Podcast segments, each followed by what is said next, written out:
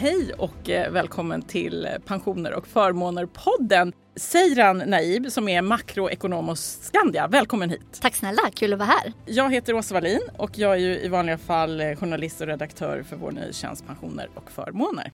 Seiran, du arbetar ju då som makroekonom på Skandia. Hur länge har du varit på Skandia? Jag har faktiskt varit på Skandia i två omgångar tidigare. Så att första omgången var jag där eh, direkt efter examen. Så eh, var jag där i tre år och sen eh, gjorde jag en liten utbytestermin som jag kallar det och kom tillbaka till Skandia i mars i år. Så att, eh, nu är jag väl inne på några månader in. Och den här tjänsten som makroekonom, du är ganska ny på den tjänsten? Nej, utan jag jobbade som makroekonom innan också. Men den tjänsten som jag har nu är ju en blandning av att vara makroekonom. Men sen är jag också involverad i ett team som kallas för allokeringsteamet där vi förvaltar blandfonder. Mm -hmm. Så det är den här förvaltningsbiten som är nya nu mm. i min nya roll. Mm. Det låter ju jättespännande. Ja, det är jättekul. Och jag tittade lite här vad du har gjort innan. Du har ju då varit eh, makrostrateg på SEB. Stämmer. Och du har också tidigare arbetat på Länsförsäkringar som makroanalytiker. Stämmer. Och i ditt nuvarande arbete då jobbar du ju då med frågor som rör konjunktur, centralbankerna, ekonomisk statistik, finansiella marknader och så vidare. Vad skulle du säga är mest aktuellt för dig just nu? Men det är ju verkligen att försöka se vart den här konjunkturcykeln är på väg. Vi kan ju börja med att konstatera att den här konjunkturen har varit allt annat än normal. Vi kommer ju från ett läge där eh, vi har haft eh, nollräntor och i vissa fall till och med minusräntor till nu en situation där centralbankerna har höjt räntorna väldigt kraftigt och i väldigt snabb takt. Så de styrräntenivåerna vi ser nu har inte vi sett på väldigt länge. Och det skiftet har gått jättesnabbt. Och en anledning då till att man har höjt räntorna i den här snabba takten det är ju för att matta av tillväxten och man vill få kontroll på den här höga inflationen. Man börjar se i statistiken att tillväxten mattas av och även faktiskt inflationen. Man ser lite försiktiga tecken. Men det som sticker ut är att arbetsmarknaden är fortfarande väldigt, väldigt stark. Och arbetslösheten ligger på rekordlåga nivåer nästan oavsett vilket land man tittar på. Men är inte det bara jättepositivt? Såklart att det är positivt men man vill se ännu tydligare tecken på att arbetslösheten eh, stiger för att man vill ju att hushållen ska konsumera mindre och på så sätt ska man matta av tillväxten och inflationen kommer ner. Så att det centralbankerna gör nu är ju att de höjer styrräntorna för att arbetslösheten ska komma upp, tillväxten ska dämpas och inflationen på så sätt ska komma ner. Och som du nämnde där, vi, vi har ju liksom lämnat en, en, ganska speciell period bakom oss med låga räntor, låg inflation, till och med minusräntor. Kommer vi komma tillbaks till det? Jag har svårt att se att vi kommer komma tillbaka till liksom den nollräntepolitiken som har varit under det senaste decenniet egentligen. Jag tror snarare att man ska se det som en liten parentes faktiskt nu är vi ju på väg mot en situation som vi inte har sett på väldigt, väldigt länge. Eh, men jag tror att när saker och ting börjar mattas av så kommer vi komma till ett lite mer normalläge och där ser jag nog inte att normalläget är nollräntor eller minusräntor utan det tror jag att vi har lagt bakom oss faktiskt. Mm. Vad tänker du, vad ska hushållen rikta in sig på framöver? Hur, hur ska hushållen tänka? jag tycker det som har varit positivt i den här liksom någonstans kostnadskrisen får man väl ändå säga är att hushållen har blivit tvungna att se över sin ekonomi på ett sätt som man kanske inte har behövt innan. Att innan så har man bara kunnat spendera på det som man har velat utan att fundera så mycket. Men nu när hushållen blir pressade från flera olika håll. Det är en bred inflationsuppgång, det är höga livsmedelspriser, för de som har bolån extremt höga räntekostnader, jag tror att det som det här har fört med sig är ju att man är betydligt mer prismedveten nu. Och det tror jag är faktiskt någonting som kommer hålla i sig. Att det är ett nytt beteende hos hushållen eh, faktiskt. Och på tal om prismedvetenhet så har ju matpriserna har ju stigit väldigt mycket. Hur ser utvecklingen ut framöver? Ja men verkligen. Ser man till det senaste året så har ju livsmedelspriserna stigit med 20 procent. Det har vi inte sett på väldigt, väldigt, alltså aldrig någonsin egentligen. Det vi börjar se nu om man tittar tittar på Sverige, jag tycker ändå mig se lite positivare signaler. Senaste inflationssiffran för april, där såg vi att livsmedelspriserna bidrog negativt. Första gången sedan april 2021. Bara det är en positiv sak.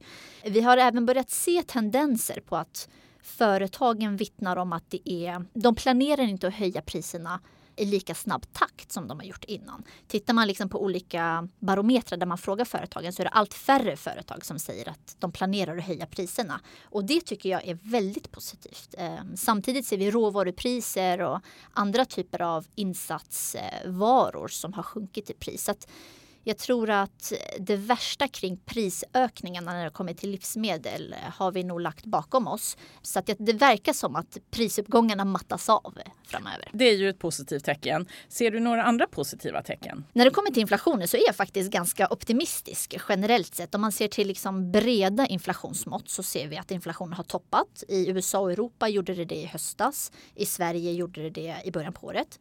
Ser man till kärninflationen som är det som är allra viktigast för centralbankerna, det är när man tar bort energipriser, så ser vi faktiskt även där tecken på att inflationen har toppat. Och tittar man liksom på lite andra typer av eh, ja, andra typer av eh, liksom, eh, saker som påverkar inflationen, till exempel globala fraktpriser, så har ju de kommit ner väldigt ordentligt. De steg jättemycket under pandemin leveranstiderna. Du minns säkert om man beställde en garderob från Ikea så var det sex månaders leveranstid. De leveranstiderna har kommit ner ganska ordentligt. Som jag nämnde, råvarupriser har kommit ner. Mm. Oljepriset trendar ner från, eh, har gjort det ända sedan årsskiftet. Så jag tycker det är många saker som indikerar att inflationstakten framöver kommer att bli dämpad helt enkelt. Och vad är din, eh, hur, hur tänker du när det gäller räntan framöver? Kommer den vara fortsatt relativt hög eller vad ser du för tendens där? Vi får ju komma ihåg att centralbanken är ju inte riktigt klara med sina räntehöjningar. I USA kanske man ligger nu på räntetoppen, det får vi se. Eh, I Sverige så tycker jag att Riksbanken har varit väldigt tydliga med att eh, det kommer komma en höjning till, antingen eh, i slutet på juni eller i september. Medan den europeiska centralbanken, där kanske det krävs en eller två höjningar till innan man är klar. Sen tittar man på prognoserna så säger den amerikanska centralbanken Fed att de eh, tänker sig att man ska sänka räntan någonstans i slutet på året. Det kan jag tycka är rimligt förutsatt att inflationen kommer ner i den takten som man hoppas på. I Sverige så ser det lite annorlunda ut. Tittar man på Riksbankens prognos så säger de faktiskt att vi kommer ligga kvar på den här räntan fram till slutet på 2026. Mm. Det är ganska lång tid kvar. Det är ju väldigt lång tid. Ja. Men tittar mm. man på vad analytiker tror så mm. tror de faktiskt att eh, inflationen kommer komma ner i så pass snabb takt att det kommer tvinga Riksbanken att börja sänka räntan i mitten på nästa år. Det är väl någonstans där vi är tänker jag. Ehm, och det anser jag är rimligt. Är det här också lite symbolpolitik? Att man vill skicka en signal kanske att man är tuff och eh, tar det här med inflationen på allvar och gör vad som krävs så att säga? Absolut, man vill ju fortfarande bibehålla det här förtroendet. Att om man höjer räntan kraftigt nu och signalerar att ja, men vi kommer sänka räntan eh, nästa år. Då känns det lite som att de här räntehöjningarna, vad är meningen med dem nu? Så det är väl absolut ett signalvärde att vi tar det här inflationsproblemet på allvar. Och vi kommer ligga kvar på den här nivån så länge som det krävs. Sen kan det väl också signalera någon form av osäkerhetsmoment. Att man inte riktigt vet hur utvecklingen framåt kommer att eh, utvecklas. Då. Så att, då tänker man att vi ligger kvar på den nivån så länge som, som möjligt tills vi ser tydligare tecken på avmattning. För det tycker jag också är något när man, när man tittar så här vad, vad olika bolag gör för prognoser framåt så tycker jag att väldigt många säger att ja, läget är också väldigt osäkert. Det är väldigt, väldigt svårt att göra en prognos idag. Hur ser du på det? Nej, men jag håller med. Det är extremt svårbedömt och eh, ser man till analytikernas prognoser, det är inte många gånger man har haft rätt. Eh, det är väldigt eh, svår situation information, det är många saker som spelar roll och det är många saker som samvarierar vilket gör liksom att hela det här prognosmakeriet blir extra svårt. Och även historiska samband som har fungerat tidigare har visat sig att det inte gör det på samma sätt i den här miljön. Så det är väldigt svårt. Hur är det att vara makroekonom i en sådan miljö? är det extra utmanande men kanske också lite extra roligt? Eller ja, ja, absolut, men båda två. Det är verkligen extra utmanande att man kanske har en åsikt under en period. Sen helt plötsligt händer det någonting oförutsett. Det är krig eller det är liksom andra typer av större händelser som gör att man helt plötsligt måste ändra hela sitt tankesätt och sin syn. Så det, det är väldigt svårt. Men samtidigt är det kul. Det är många saker som man eh, behöver hålla reda på samtidigt och det gör att att man hela tiden är på alerten och han läser tidningar på kvällar och helger och sådär. Så att eh, utmanande och svårt men eh, väldigt kul. Och det fartfyllt. händer ju alltid någonting helt enkelt. Det, det, det, står aldrig still. Eh, jag tänkte också bara, som vi alla vet så bröt ju ett krig ut här i Europa för lite drygt ett år sedan. Eh, vad, vad, har det för betydelse och, och är det Ja, hur tänker du kring de här geopolitiska hoten? Geopolitiska hot är ju svårt. Det, det jag tycker är svårt i min roll när det kommer till geopolitik är att det finns en oförutsägbarhet. Att eh, geopolitiska risker ligger ju och bubblar hela tiden och det är svårt att kunna avgöra exakt när det kommer bryta ut. Men det man kan säga om eh, Rysslands krig i Ukraina är ju att tyvärr så verkar det ju inte vara någon lösning i sikte. Och det låter nästan lite hemskt när man säger det men de finansiella marknaderna verkar nästan ha vant sig vid att vi har ett krig i vårt närområde. Ehm, så att det är väldigt eh, sorgligt och tragiskt. Jag tror att det är någonting vi kommer behöva leva med faktiskt ett tag framöver du jobbar ju på Skandia och där kan man ju spara både i, i fonder och pensionssparande och så vidare. Och jag vet att du tidigare har sagt att det här med att eh, spara eh, i både fonder och aktier, det är lite som, eh, det har någonting med fotboll att göra. Kan du berätta vad? Ja, men precis. Jag kommer ju verkligen från en fotbollsengagerad familj. Så att jag har alltid försökt att eh, dra paralleller mellan fotboll och till exempel fondsparande. Jag tycker att man ska se fonder som ett fotbollslag. Att det inte bara liksom anfallare eller försvarare som bygger ett lag utan det är kombinationen av laget. Och det är lite så jag tänker att man ska tänka kring fonder. Att det är inte bara en fond eller två fonder utan det är kombinationen av olika sektorer och olika marknader som gör att man kan få en bra väldiversifierad portfölj som klarar sig både i uppgång och medgång. Så det är lite så jag att man, tänker. Att man inte är för smal där kanske i sitt sparande och satsar allt på ett kort utan att man sprider riskerna lite. Precis. Vilket fotbollslag håller du på? Alltså jag har ju faktiskt eh, haft hemma så har jag en lillebror som är hardcore Barcelona-fan och sen har jag en, eh, min kära far som är hardcore Real Madrid-fan. Okay. Och sen är jag och mamma lite i bakgrunden och stöttar de som behöver stöd så, när det inte går så. Så det är både och? Jag är medgångssupporter ja, ja, det tycker jag låter bra. Det låter jättebra. Jag tänkte också då, du har ju varit eh, flera år på, på Skandia. Eh, men hur kom det sig att du blev makroekonom? Vad var det som lockade dig där? Jag har alltid varit fascinerad av, av ekonomi och mina föräldrar ända sedan jag var ung sa de att du ska bli läkare. Och jag tänkte så här, men jag var lite inne på de banorna tills jag fick då praktisera på receptionen på en vårdcentral och insåg att jag var väldigt känslig mot blod. så att den läkarkarriären liksom, la jag på hyllan. Du bara, det. här passar inte. Det här Nej. är bra för andra, det är bra att andra har det intresset. Eh, men det var faktiskt under en eh, lektion på gymnasiet där eh, det var ett bolag som kom och pratade om inflation, om räntor och centralbanker och konjunktur tyckte det var jättespännande. Eh, så efter det började jag läsa på lite och insåg att men det här med makroekonomi, för det var ungefär i samband med att vi skulle välja universitet och vilken linje vi ville gå. Makroekonomi kändes verkligen som eh, min grej och det visade sig eh, vara väldigt roligt. Och vad är roligast i ditt jobb skulle du säga? Men jag tycker verkligen det här att man måste vara på tå hela tiden. Man måste vara alert och det som är spännande just i min bransch är att många som jobbar i den här branschen har levt och verkat i den här branschen i väldigt många år. För mig som är lite yngre, det är svårt för mig att dra paralleller till historien för jag var kanske inte ens född då. Jättekul att grotta ner sig i data, se på de sambanden som skedde under det, den krisen och den krisen och så vidare. Hela tiden vara påläst och man kan inte vara nog påläst faktiskt. Och det mm. tycker jag är kul. Så ser du framför dig att du kommer eh, satsa mycket på just makroekonombiten eller hur tänker du framöver? Ja men absolut, det är ju mitt stora intresse och min passion faktiskt. Men sen den här rollen som jag har nu på Skandia är ju själva kombinationen av portföljförvaltning och makroekonomi. Att tittar vi på ekonomisk statistik och de finansiella marknaderna, hur kan vi implementera det i våra fonder till exempel, eller i våra placeringar. Den kombinationen tycker jag är superspännande. Så att, eh, där hoppas jag att jag ska fortsätta utvecklas. Mm, det låter väldigt kul.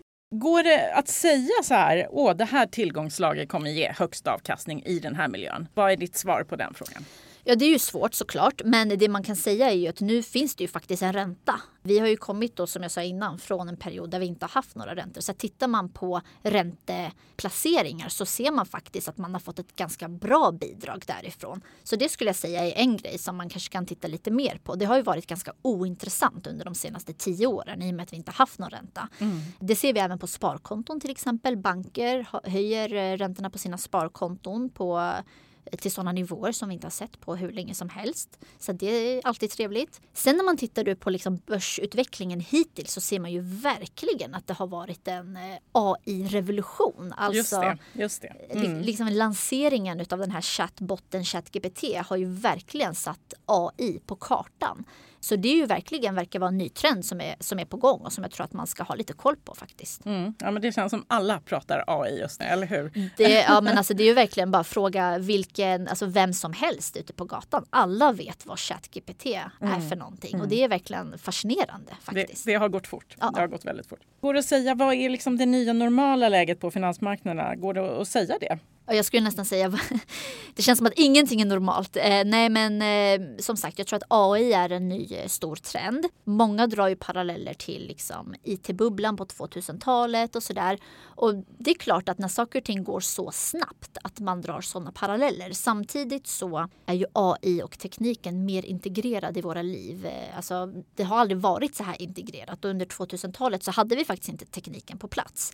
Så det är väl en ny eh, stor grej som jag tycker att man ska hålla koll på. Och sånt där, det kan ju vara en trend som sen liksom planar ut. Men samtidigt kan ju trender hålla sig i flera år. Men det är verkligen eh, någonting som jag tycker sticker ut. Eh, sen får vi se. När du träffar folk och berättar att ah, jag jobbar som makroekonom, vad brukar du få för frågor då? Vad är den vanligaste frågan? Ja, men den vanligaste frågan är faktiskt när kommer centralbanken att sänka sina styrräntor? Det har vi ju, det har vi ju pratat om. Ja. Den andra frågan är faktiskt, jag vet inte varför, men man drar ofta paralleller till att jag är någon bolåneexpert. Mm. Så den andra vanligaste frågan är vad kommer jag ha för bolåneränta helt enkelt? Och jag brukar säga att om, om vi ponerar då att Riksbanken höjer räntan en gång till till till 3,75 och sen så ligger de kvar där. Så ska man räkna med att bolåneräntan kommer ligga en, en och en halv procentenhet över det. Så det är väl någonstans där man får räkna med att bolåneräntan eh, kommer vara. Men sen reserverar jag mig för att jag är ingen bolåneräntestrateg. så att, men, men historiskt har ju, Skandia har ju en bank också. Absolut. sig. Så, Absolut. Det, så det, det, finns ju med där. Om man tittar liksom på konjunkturen och så som läget ser ut just nu. Är det någonting i statistiken som har överraskat dig eller förvånat dig? Men men faktiskt, om vi tittar på konjunkturen så tycker jag att tillväxten faktiskt har hållit emot betydligt mycket bättre än vad man har tänkt sig med tanke på de här räntehöjningarna. Under första kvartalet så visade tillväxten på faktiskt ganska bra styrka. Man ser att det börjar bromsas in sakta men säkert men eh, har hållit emot förvånansvärt bra. Och jag tror att det har mycket att göra med under pandemin när det lanserades väldigt mycket både finanspolitiska och penningpolitiska stimulanser. Vilket gjorde att hushållen som inte kunde konsumera, de sparade ju allting. Vilket har gjort att man har byggt upp ganska stora sparbuffertar. Och det här har ju varit någon form av krockkudde. Sen tycker jag väl också att just den här medvetenheten om sin egen ekonomi, att man har tvingats till eh, att bli mer medveten har förvånat. Och det är någonting som är, som är bra, som har kommit ut eh, på ett bra sätt i den här kostnadskrisen.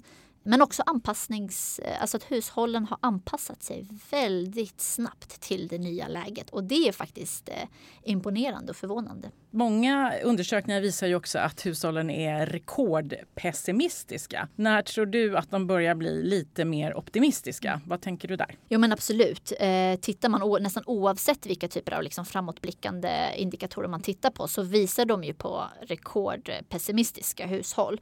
Men de senaste liksom, eh, månadssiffrorna visar på att vi börjar se, hushållen börjar se lite ljusare på läget. Och jag tror att det har att göra med att Energikrisen i Europa uteblev. Många klarade sig kanske lite bättre än vad man hade tänkt och man fick lite stöd. Kinas återöppning har väl bidragit till någon form av optimism. Man ser att centralbankerna närmar sig toppen på styrräntan. Man ser att inflationen har toppat. Så att jag tror att alla de här grejerna i kombination gör att hushållen är lite mer eh, positiva, fortfarande pessimistiska, men lite mer positiva om, om läget framåt. Det tycker jag låter väldigt positivt. Nu har vi ju en, eh, en förhoppningsvis lång, skön, härlig och kanske också delvis ledig sommar. Vad tänker du göra då på din ledighet? Har du något roligt inplanerat, säger han? Ja, men eh, vi ska nog åka runt lite i Sverige, hälsa på lite kompisar och sådär, men inga jätte hårda planer utan vi får ta det lite som det kommer. Sen ska vi flytta faktiskt i augusti så att eh, vi får eh, se lite vad vi gör. Det låter som du har fullt upp. Ja men det blir ändå det. Trots att man inte har planer hela tiden så blir det ändå att, ja, att det är en del. Ja. ja. men det låter jätteskönt. Ja. Stort tack för att du kom säger han. Och eh, då vill jag bara säga att ni har lyssnat på Pensioner och förmåner-podden. Jag heter Åsa Wallin, producent är Julia Siverts, ansvarig utgivare Peter Fällman och Pensioner och förmåner-podden görs av Dagens Industri och Bonnier News.